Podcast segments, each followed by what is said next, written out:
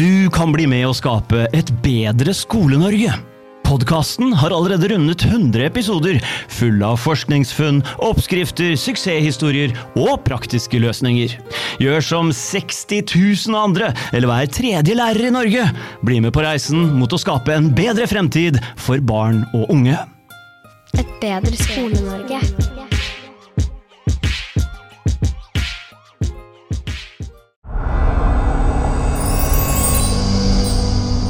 Bedre Skole-Norge. Velkommen til Et bedre Skole-Norge. I dag skal vi snakke om hvordan man kan rigge skolen for å ivareta et trygt skolemiljø for alle elever. Vi har besøk av Jan Merok Paulsen, som har en doktorgrad i organisasjon og ledelse fra Handelshøyskolen BI, og er professor i skoleledelse som er tilknyttet Oslo OsloMet. Han bygde opp videreutdanningsprogrammet Skolemiljø og ledelse i 2018 ved Oslo OsloMet, et program for rektorer. Paulsen har også gitt ut flere bøker og publisert forskning i anerkjente internasjonale tidsskrifter, og arbeider nå som selvstendig næringsdrivende med flere oppdrag i oppfølgingsordningen for kommuner, der praktiseringen av 9A4, aktivitetsplikten, har tatt plass i både analysen og tiltakene. I tillegg var han medlem av opplæringsutvalget som avga NOU 2019-23 i desember 2019, og det er jo denne som er basisen for proposisjonen som nå har vært i Stortinget. Han er godt orientert om høringsutkastet og lovproposisjonen. Mindre kjent er det kanskje at han hjalp til med konstruktive tilbakemeldinger da jeg skrev 'Hvordan skape en god skole' i fjor, noe jeg er dypt takknemlig for. Velkommen hit, Jan Merok Paulsen. Takk for det. Det er hyggelig å være med. Et bedre Skole-Norge. Skole-Norge. Jeg har jo hørt podkasten med deg før, med Lektor Lomsdalen annet og sånn, og ja, jeg syns alltid du har noe bra å melde, så jeg gleder meg virkelig til å ha deg med her også.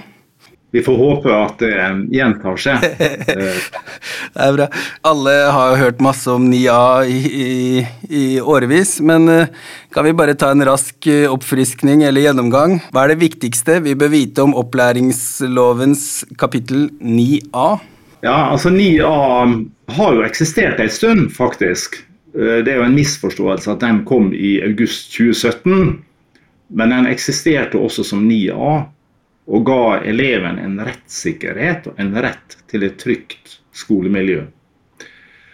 Djupedal-utvalget sin innstilling som kom i 2015, konstaterte også at reglene er her, men etterlevelsen er for lav. Det vil si at uh, hvis vi skal trekke det litt langt også, det å retten til et trygt og godt skolemiljø, det er en menneskerett som alle barn har. Og det er barn som går i grunnskolen i Norge, og de fleste i videregående opplæring er også barn frem til 18. Så vi må på en måte se det på et uh, historisk bakteppe her.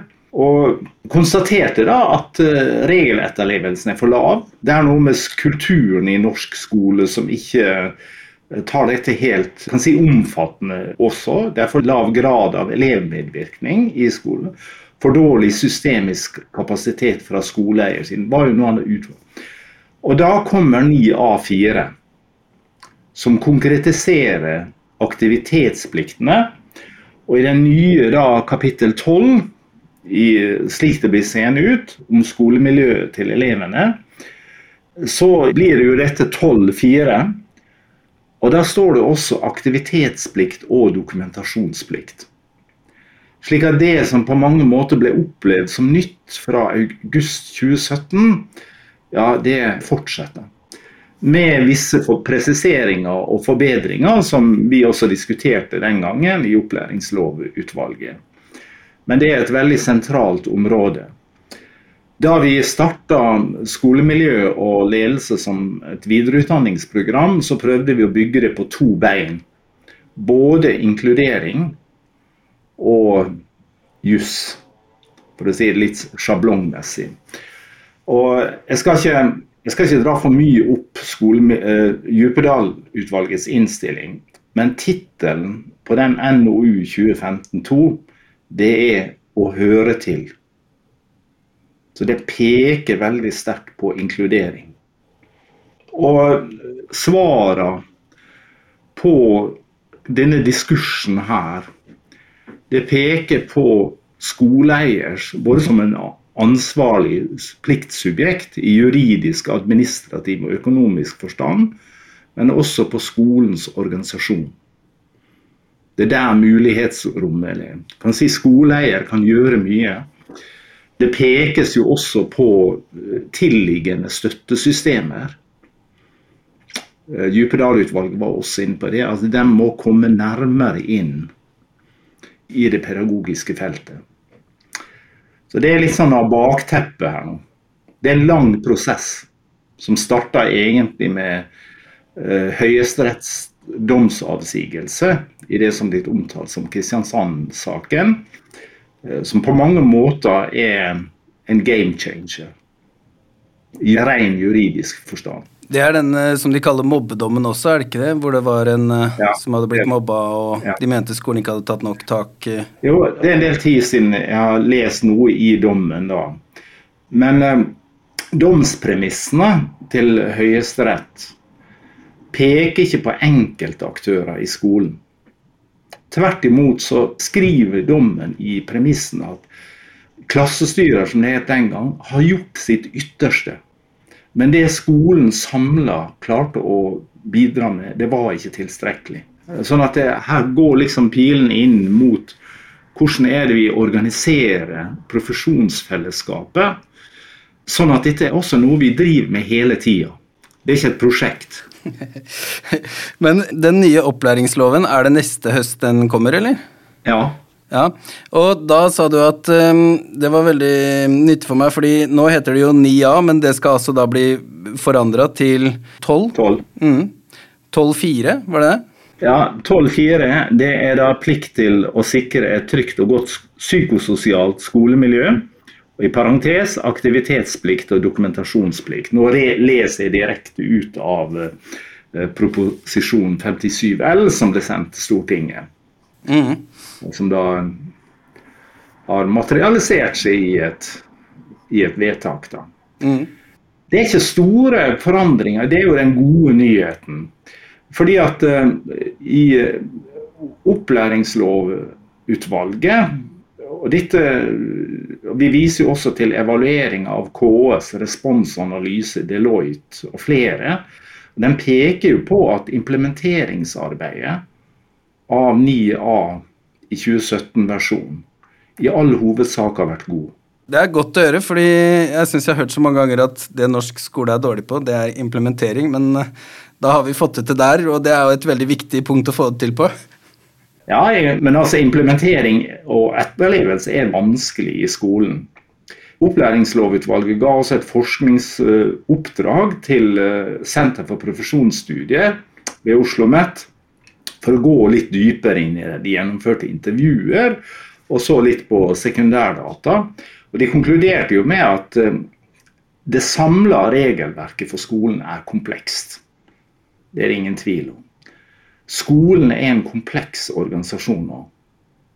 Og klasserommet, hvis vi kan bruke den betegnelsen, er et komplekst sosialt system og Jeg pleier bare å skrive og si, altså, vise formelen for antall relasjoner i ei elevgruppe n i annen minus n-del på to. Det er en del som får hakeslepp. da. Jeg sier det, når jeg var lærer på 80-tallet, så hadde jeg 28 elever. Og Det var fordi at det var ikke fysisk plass til den 29. i klasserommet. Det var et gammel, ganske gammelt skolebygg. Ja, det er faktisk 378 relasjoner inni det. Og det betyr jo også at eh, antageligvis dem som er best i situasjonsbestemt ledelse, det er lærere. Det tror jeg absolutt. Jeg har lest en del forskning om det, og læreryrket går for å være komplekst. Det er derfor man må ha autonomi, fordi det nytter ikke å bare følge oppskrifter, og det er ikke noen enkle operasjoner. Det er eh, så mange forskjellige operasjoner på en gang, så man må hele tida justere sinnstilstanden sin og alt mulig i forhold til situasjonen man ser, da. Og det skjer raskt. Mm litt som troll av væske, husker jeg det noen ganger også. Men det er jo ikke spesielt for læreryrket. Jeg har jo også en fortid som eh, leder av et regnskapsbyrå. Selv om disse regnskapsreglene kan ses veldig sånn eh, kokebokaktig så må da regnskapsføreren og revisor anvende sitt profesjonelle skjønn på konkrete materielle fakta. Ja, det her er litt utafor manus, men jeg tenker vel at det handler mye om verdiene man har i bånn også. Da. At man må ha en skikkelig integritet som lærer og, og ha godt forankra verdier for å kunne anvende det skjønnet til det beste for barn og unge. da. Det er helt sentralt. Vi har jo også en god del forskning. Det er klart at skolemiljøtilstanden skolemiljøtilstand i Norge blir jo regelmessig evaluert. Altså NIFU, Christian Vennelbo og kolleger har jo analysert dataene fra Elevundersøkelsen fra 2009, og nå siste gang i 2023-rapporten dataene fra 2022. Men vi har også en del forskning som går inn på hvordan klarer man å håndtere dette i daglig skolevirksomhet. Og Eksempelvis ved NOVA og AFI ved Oslo Metta, som er tilknytta. Altså, så har jeg jo en bok ved siden av meg her nå, utgitt av Ingunn Marie Eriksen og Selma Therese Lyng. Basert på et forskningsprosjekt med 20 skoler i østlandsområdet. Som går også inn med dybdestudier av hva gjør kontaktlærere og lærere som får dette til? Hva slags repertoar spiller en på? Vi har en god del kunnskap også tilgjengelig som det går an å jobbe med. Og Det er et kontinuerlig, systematisk arbeid. Veldig kjedelig utsagn, men eh, det er presist. Og Jeg har veldig lyst til å sitere fra den boka. De legger jo f.eks. vekt på felles forståelse. Ja, hva betyr mobbing og krenkelser? Eh, nå har Elevundersøkelsen en definisjon som kan spores helt tilbake til Dan Olveus. Men eh, forskerne, da, Eriksen og Lyng, skriver jo da at på direkte spørsmål hva en kontaktlærer hadde gjort for å få det til, pekte kontaktlærer på helt vanlige strategier. Varm og tydelig klasseledelse. Positiv forsterking. Prososial og respektfull oppførsel. Tydelig og konsekvent grensesetting. Nulltoleranse. Sanksjonering av krenkelser og andre negative samhandlingsformer. Jeg er nesten frista til å si det at god pedagogikk i videste forstand funker alltid. Hmm det som går frem i disse forskningsobservasjonene, det er at ja, vellykka klassemiljøarbeid, klassekultur, klasseidentitet har jo mange fellestrekk med klassemiljø som gir god læring og gode skoleprestasjoner. Mm. Det er veldig interessant, og det tangerer litt, eller hva man sier, med altså hun Helle Rambøl Hansen, eller hva det heter, fra Danmark, syns jeg, som snakker om det at Eh, fellesskapet er så utrolig viktig i en klasse, og at noen ganger kan til og med mobbing være et slags felles prosjekt som eh, noen eh, engasjerer seg i. Sånn at man er så redd for å være aleine at om man vil så gjerne være en del av fellesskapet, at man ender opp med å bli en del av en mobbekultur som plager andre for å ha et fellesskap. Så hun sier vel det at lærere derfor må skape De må være kultivatorer da, som lager et sterkt fellesskap som handler om positive ting, da, og ikke, ikke mobbing. Sånn jeg har skjønt det, da, for å ta et forbehold. Det peker jo på eh, tydelig klasseledelse med alt det som det innebærer. Altså en omsorgsfull kontroll. Begrepet som, som brukes da. Mm. Og så skifter vi litt sånn eh, over til skolelederens jobb, som det skrives mye om. Og skoleledere, som andre ledere, jobber mye med organisering. Det er et gjennomgå. Og sånn har det vært i, holdt på å si, siden tidenes morgen. Og f.eks. hva er det som finner plass i PU-tid? Fellesøktene forventninger til teamarbeider. Det å gi klare agendaer og formål til de arenaene vi har, er jo like sentralt på denne tematikken som på kan du si, andre sider av læring og didaktikk. Og så hadde jeg gleden av å jobbe sammen med en 1-10-skole i Nordland rundt noen av disse delpliktene. Jobba i to hele dager med det. Bare tre av de. Og Det som endte opp annet med at ja, vi har en del blindfelt som går under radaren.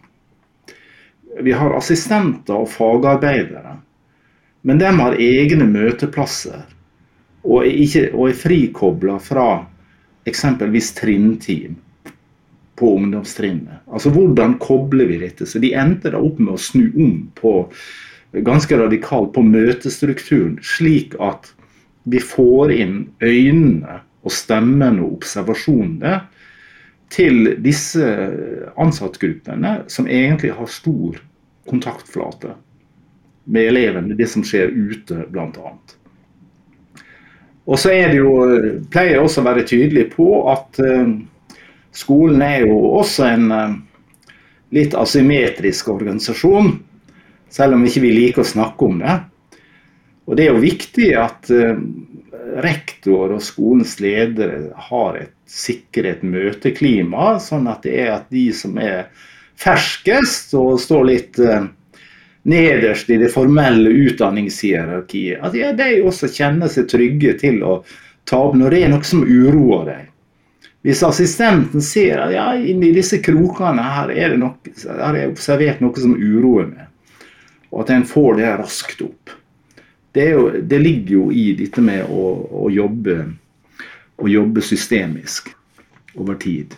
Det er noen lærere som virker så De føler seg hemma også av 9A, At uh, de opplever at 9A Det at det er en subjektiv oppfatning av uh, krenkelse som kan ligge til grunn for en 9A-sak mot en lærer. Det virker som mange lærere da blir litt konfliktsky og ikke tør å gå inn som den autoritative klasselederen som setter litt grenser og definerer klima eller sånn, i, og sånt, og at de mister litt kontrollen.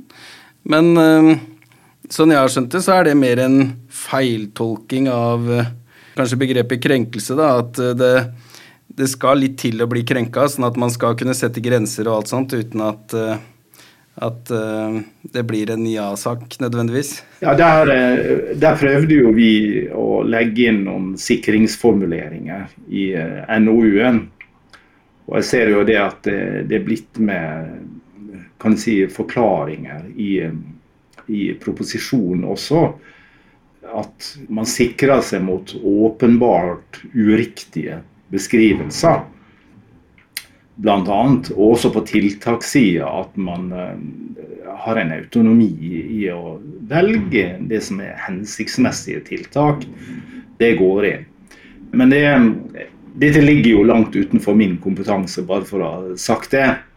Men det er jo helt forståelig at det er et profesjonelt og emosjonelt uh, ubehag med elevpåstander om krenkelse fra Eller ting som ikke fungerer.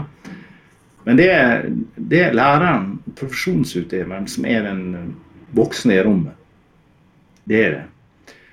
Altså, Vi diskuterte jo dette også. Altså, elevens stemme må bli hørt. Ja, hva er alternativet? Hvis vi trekker paralleller til arbeidsmiljøforskning, ja, så legger vi jo den ansattes stemme, opplevelse og beskrivelse til grunn når vi forsker og undersøker arbeidsmiljøet på jobben. Man bruker ofte betegnelsen 'elevens subjektive opplevelse'. Det er litt sånn, ikke helt positiv konnotasjon, syns jeg. Så, så for eksempel, hvis jeg da presenterer, Her skal jeg presentere studier fra 2500 rektorer om deres subjektive opplevelse av arbeidsbelastning. Jeg tror ikke det hadde slått så veldig godt an. Det er sant. Det er helt sant. Så eh, kan hende vi skulle ikke bruke subjektiv opplevelse fullt så mange ganger. Men det er elevens erfaring og elevens stemme er, det er en del av rettsgrunnlaget. Mm. Og det er ikke noe spesielt for skolen som, eh, som eh, organisasjon. det har jo sin bakgrunn i at retten til en trygt skolemiljø det er en, det er en menneskerett som alle barn har. Det er skoleplikt i Norge. Hvis vi to hadde vært misfornøyd med arbeidsmiljøet vårt, så kunne vi befri oss fra det ved å levere inn en oppsigelse. Men eleven må vente ganske lenge for å få den exiten. Derfor så hviler det da en naturlig kollektiv plikt, både slik det er formulert i aktivitetsplikt og dokumentasjonsplikt, for å holde dette høyt. Mm. Vi skal gå litt inn på hvordan vi har vært litt inne på det allerede, men hvordan vi rigger skolens organisasjon best mulig, sånn at vi er helt framme i skoa på å håndtere kommende 12-4 og, og, de paragrafene der. Så hvis vi da ser for oss eh, et case der hvor vi har eh, Frida, som er en elev, eh, la oss si 9. trinn på ungdomsskolen. Hun blir mobba av Frank, som også går i klassen. Mens Frank opplever at han blir mobba av læreren. Og rektoren, det er meg. Og hva burde jeg ha gjort i forkant, og hva bør jeg gjøre underveis eh, som denne saken utvikler seg, da? Ja, altså Aktivitetspliktene spesifiserer jo noen prinsipper for hva en rektor bør gjøre i forkant. Men det korte svaret det er jo du, du må sette i gang en saksbehandling. Mm. Mm. Det er helt åpenbart. Og du har vel antageligvis to saker også. Mm. Jeg er ikke jurist, altså, men jeg, jeg, klarer ikke å se det på noen annen måte. Du har en samtale med en av dine ansatte ganske raskt før du går hjem samme dag, vil jeg tippe. Mm. Og så blir jo det en vurdering av eh, den samtalen, om dette er noe du skal involvere skoleeier i. Det, det ligger til ditt skjønn som leder. Når det gjelder de to elevene, så eh, det er jo mange forskjellige situasjoner det kan utspilles i. Er det ute i skolegården, er det på skoleveien, er det på Snapchat, sosiale medier, er det inne i klasserommet? Og dette ligger utenfor, langt utenfor min ekspertise, men jeg noterer meg at um, der hvor det ferdes på noen få skoler, så bruker man veiledning. Og man har den voksne inne som en profesjonell coach. Og man bruker faktisk ressurser i en skal i neste uke være med i en Ålesund-skole i oppkjøringen der. Og de, de, har valgt, de bruker faktisk ressurser til en voksen profesjonsutøver, sertifisert veileder, tar noen sånne. Ikke alle. Det meste håndterer kontaktlærer og, og lærer. Så du, du, får ikke helt sånn Du får ikke hjelp på oppskriftsnivå her, Øyvind. Du gjør ikke det. Nei, nei, nei, nei, nei jeg skjønner. Men uh, veileder, da, det er da en uh, person som har en uh, spesifikk kompetanse på hvordan man coacher både lærere og elever, da, er det det? Ja, jeg pleier å si det at pedagoger det er jo ingen annen profesjonsgruppe i det norske samfunnet eller hvilket som helst samfunnet som kan så mye om læring som pedagoger. Og mange, enten de vil innrømme det eller ikke, har også veiledningskompetanse. Og er flinke i veiledning. Vi ser det ofte når, man går inn i, når pedagoger går inn i rollen som teamleder, teamkoordinator, går inn i ledergruppe. Så de har altså det, det ligger nok en repertoar der. Men jeg peker jo bare på sånn én type erfaring. Voksen laget et veiledningsdesign. To elever. Mm. Og det finnes et batteri. Dette blir jo også tatt opp, eh, og jeg får jo vise til den, eh, den forskninga som vi har her, og som jeg trakk store veksler på da vi bygde, på, bygde opp skolemiljø og ledelse. Ingunn Marie Eriksen og Selma Therese Lyng. Altså det de observerer i disse 20 skolene, det er jo at man benytter atferdsregulering, omsorgsfull kontroll, eh, atferdstrening på, på klasseregler, sanksjonering, begrensning i elevstyrte arbeidsformer. Litt fastere grep om tømmene. Og de kommer veldig ofte inn på tydelig klasseledelse. Men der er noen sånne praktiske strategier som de holder frem, som um, i mine øyne makes sense. Veldig spennende. Det, virker som det er en sånn pendelbevegelse. At uh, det er sånn uh, For noen år tilbake så var det litt for stramt i klasserommet. Altså snakka alle om at elevaktive arbeidsformer er det beste, det er det de egentlig lærer av. Sant? Men så ser man kanskje at det fører med seg en rekke bieffekter da, som vi ikke tenkte på da vi satte det i gang. Og så nå er det kanskje sånn at det svinger litt tilbake igjen. Kan det virke som? Det har jo alltid svingt frem og tilbake fra 70-tallet og fremover. Jeg er jo utdannet økonom i pleier å si i bunnen, men jeg har også allmennlærerutdanning fra 70-tallet. Mm. Den progressive pedagogikkens høye alder. og um, praktiserte som lærer frem til 1986. Og pendelen har jo svingt frem og tilbake i den pedagogiske diskursen rundt disse spørsmålene. Og fokuset på klasseledelse har jo kommet sterkt inn som en innramming av en del av lærerrollen som den profesjonelt autoritative voksne i rommet. Jeg, jeg tror personlig det er en positiv dreining, men eh, det er jo tilbake igjen til altså Det er jo læreren, kontaktlæreren, som har den nødvendige fingerspitzgefühlen, som kan dette som bedømmer dette komplekse sosiale systemet som utspilles i hver arbeidsøkt. Jeg peker jo litt på kontaktlærerrollen. Og jeg syns den har litt for lenge gått under radaren. Klassestyrer het i min tid. Og jeg er så gammel at jeg til og med opplevde at jeg heter klasseforstander. Og um, det er mange som argumenterer for å heve kontaktlærerens status også som en sånn den viktige daglige koordinator og en type helt frem i førstelinja leder. Og det tror jeg har mye for seg. Nå skal ikke jeg drive en sånn reklamepod her for det, men jeg har jo også hatt gleden av å lese en annen bok av Heidi Granberg om kontaktlærerrollen. Og den bør også være i mer enn én X på alle skoler. Bra. Det er bare å spre det glade budskap her. Altså. Jeg er litt nysgjerrig på den nye kapittel 12. Har du noe mer eh, skal jeg kalle det? Ikke sladder akkurat, men eh, mer eh, info om åssen den kan bli seende ut? Jeg syns den ligner mye på 9A. Så er det jo selvfølgelig litt sånn innramming av statsforvalteren sin inngrep, da. Altså Det er fremdeles klagerett til statsforvalteren.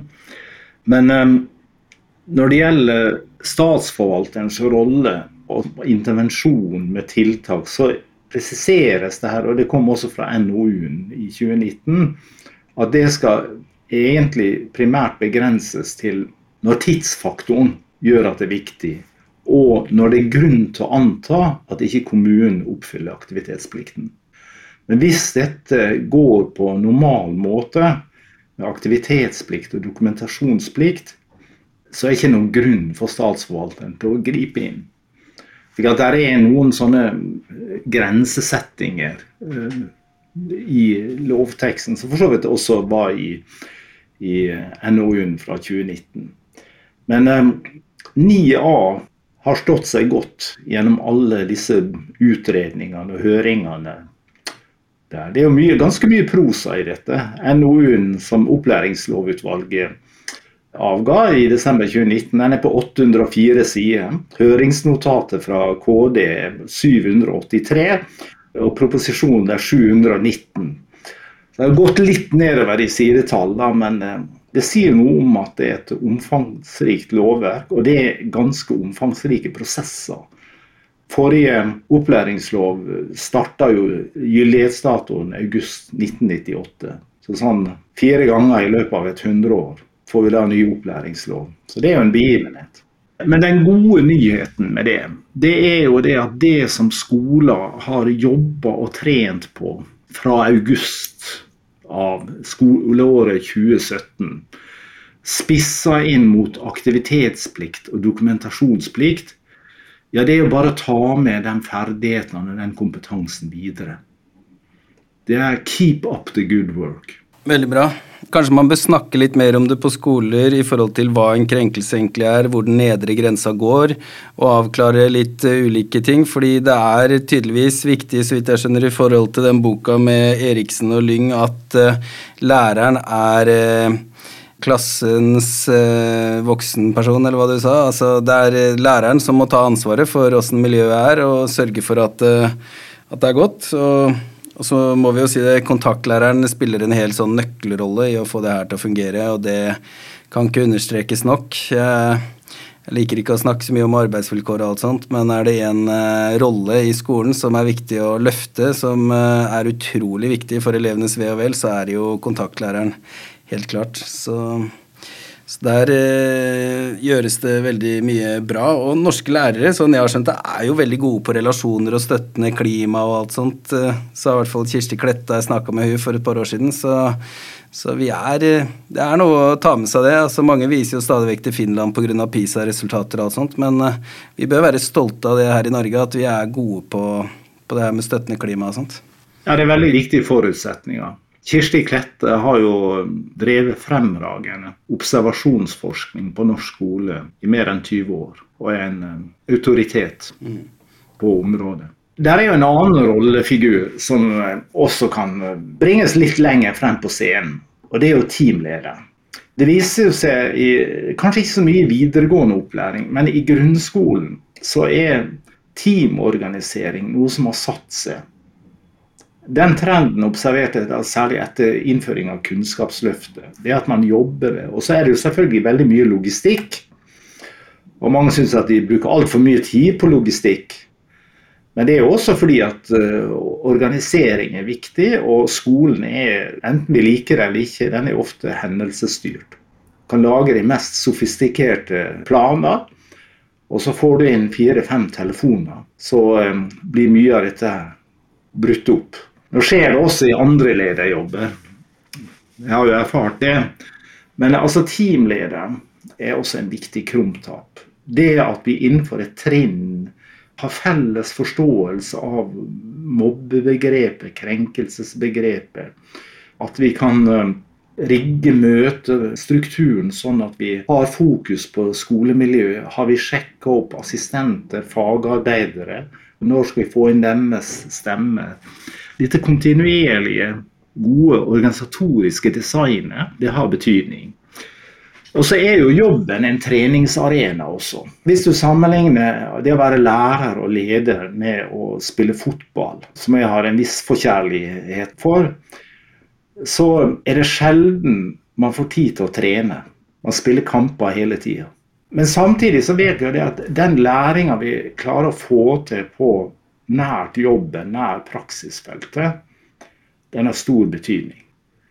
Og Hvis vi skal gå litt sånn inn i sosialkognitiv læringspsykologi, hvordan øker vi lærerens mestringstro på at dette her skal jeg klare å få til? Og Da har vi ofte en uh, veldig overdreven forestilling til store fagdager med hotshotter på scenen som holder lange utgreiinger, og kanskje spør til slutt om det er noen spørsmål. Men altså faglig presentasjon fungerer. Dette har vært forska på. En god, veldig god amerikansk studie. Altså Hvordan øker du mestringsforventning? Den ligger jo bak og skyver motivasjonen frem. Og ja, faglig presentasjon. Observasjon av kollegaer som har holdt på med dette litt og vet hvordan slipsteinen dras. Og i kort tid etter observasjonen få anledning til å planlegge og gjennomføre det sjøl. Hvis du da kan legge på en kort veiledningsøkt, en kollega eller en eh, leder som har observert din egen utprøving, så får du en veldig sterk læringssyklus. Veldig interessant. Altså Alle sånne mukker som vi får i skolen, det er nesten sånn eh, Det er en video, og så skal du sitte og snakke litt med sidemannen og reflektere litt, og så skal man dele det i plenum. Ofte er det sånn, men noen ganger på skolen her så har vi pleid å mm, I stedet for i begynnelsen, når vi snakka om eh, alle mulige undervisningsmetoder som har høy effekt, f.eks., så drev jeg på med sånne endeløse powerpointer, og så begynte vi heller å, å, bare vise metodene. Sånn her er metodene, og så gikk man gjennom noe på et læremøte for å bare vise metoden, modellere metoden. da. Så begynte alle lærerne med det, og så var det ofte sånn Vi har en viss ukestruktur, så uke én er litt sånn tradisjonell, og så uke to og tre er mer samarbeidslæring, og så uke fire er utforskende. Så da, da ble det sånn at uka før så tok man og viste noen metoder, da. Mm. Og da fikk man litt sånn tips og sånn, og så gikk man og prøvde det ut, og da blei det veldig matnyttig å ha en sånn det var ikke et sånt læremøte som bare forsvant i det store intet. Det førte faktisk til eh, noe for elevene, da. Så det var eh, verdsatt de gangene vi gjorde det. Hvis vi da tar dette, disse resonnementene her, eh, skolen som læringsverksted, inn mot temaet i dag. Altså hvordan utvikler vi ferdigheter i eh, varm og tydelig klasseledelse? For det er én ting er sikkert, du lærer du ikke på universitetet. Og hvordan gjennomfører du grensesetting som lærer?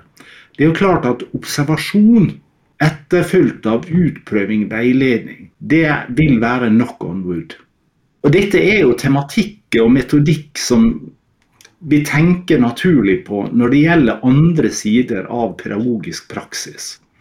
Den diskusjonen her eh, har jo helt klart parallell til hvordan var øvingsskolen når jeg var lærerstudent på 70-tallet. Da hadde jeg med meg kolleger øvingsparti holdt min første matematikktime under et skyhøyt adrenalinnivå. Fikk observasjoner, da, og så kommer eksperten, øvingslæreren, inn og sier ja, nå har dere, Roald, Sissel og Hilde, sagt hva har dere observert under ja. Nå skal, vil jeg pinpointe noen ting til forbedringer. Det ligger jo på en måte inn i eh, litt sånn mesterlæring. Mm vi har hatt med oss i lærer, praktisk pedagogikk, lærerutdanning lenge. Og det må kunne anvendes også i, det, i, ferdighetsutvikling innenfor tematikken skolemiljø, psykososialt arbeidsmiljø for elevene. Mm. Fordi at god pedagogikk har en tendens til å fungere på mange arenaer. Tror det eller ei. Ja, absolutt.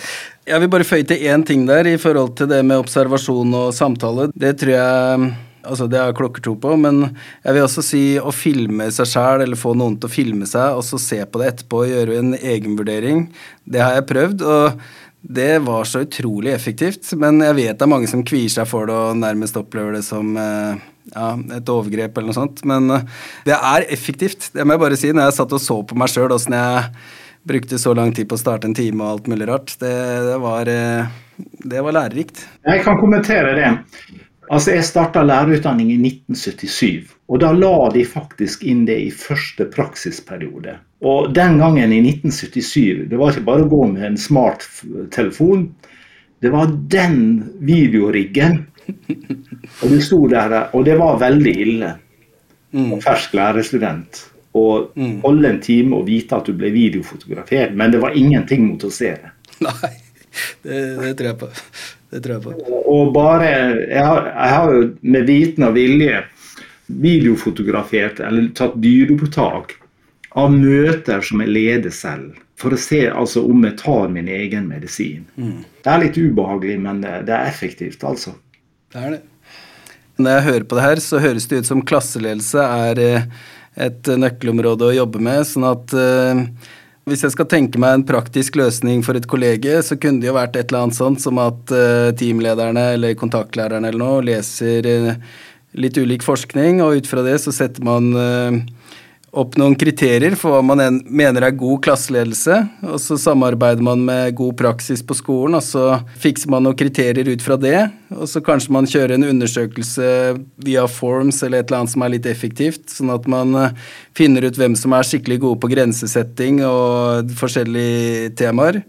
Og etterpå så kunne man jo invitert hverandre på kurs hvor man har Man kunne meldt seg på hvilke områder trenger du å vite mer om, f.eks. grensesetting eller eh, håndtering av eh, sanksjoner på en bra måte. Et eller annet. Men at man tar noen kurs, da, og så kan folk melde seg på kurs, sånn at man kjører de kursene som er mest nyttige for folk. Og så kan man eh, observere en eh, rutinert kollega, og så etterpå så kan man utføre sjøl, hvor eh, kanskje den rutinerte kollegaen observerer og gir tilbakemelding etterpå, og så etter det så har man en enda bedre skole enn man hadde før man starta, kanskje. Hva tror du om noe sånt? Jo, jeg tror jo at det, altså de voksnes læring på jobben, det er like viktig å designe og organisere det som elevenes læring. Det er en av, konklusjonene, en av mange konklusjoner på ekspertgruppen for skolebidrag. Mm. Det, hva kjennetegner de beste skoleeiersystemene og de beste skolene? De voksnes profesjonelle læring organiseres. Mm.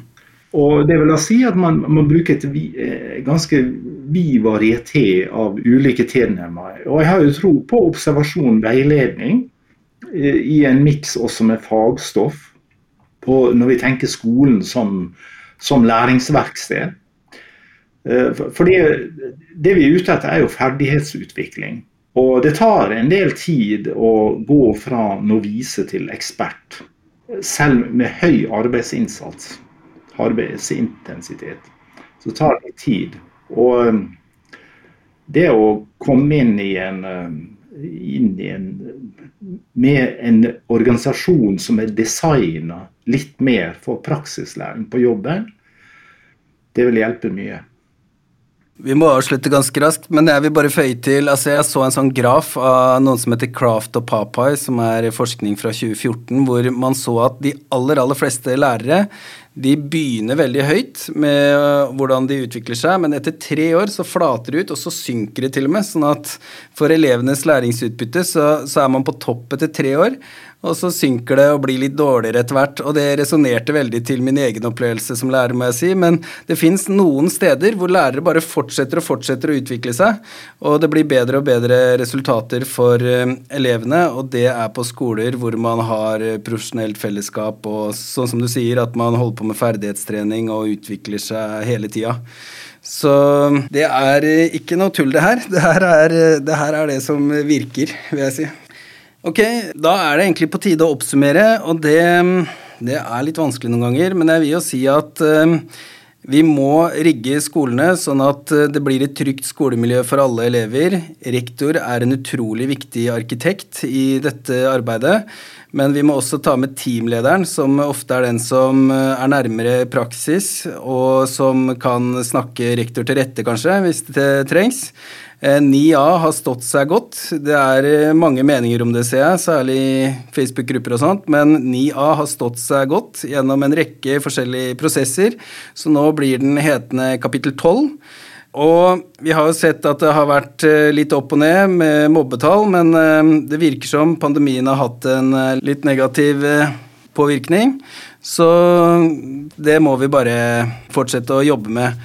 Og Da er det særlig kontaktlæreren vi burde jobbe med, og da ta og ja, jobbe kollektiv også i skolen som organisasjon. Syns du jeg har det da, eller Jan Mørjok? Ja da. Og tenk praksislæring. Sånn ton gjerne ned rene informasjonsøkter og sånt, og tenk liksom på observasjon, utprøving, veiledning. Det, jo, det ligger jo i pedagogens DNA. Absolutt. Jobb med ferdigheter. Ok, Jamerok, tusen takk for at du kom. Tusen takk for at dere hørte på. Bli med og gjør Skole-Norge bedre. Vi høres. Et bedre Skole-Norge. Skole-Norge.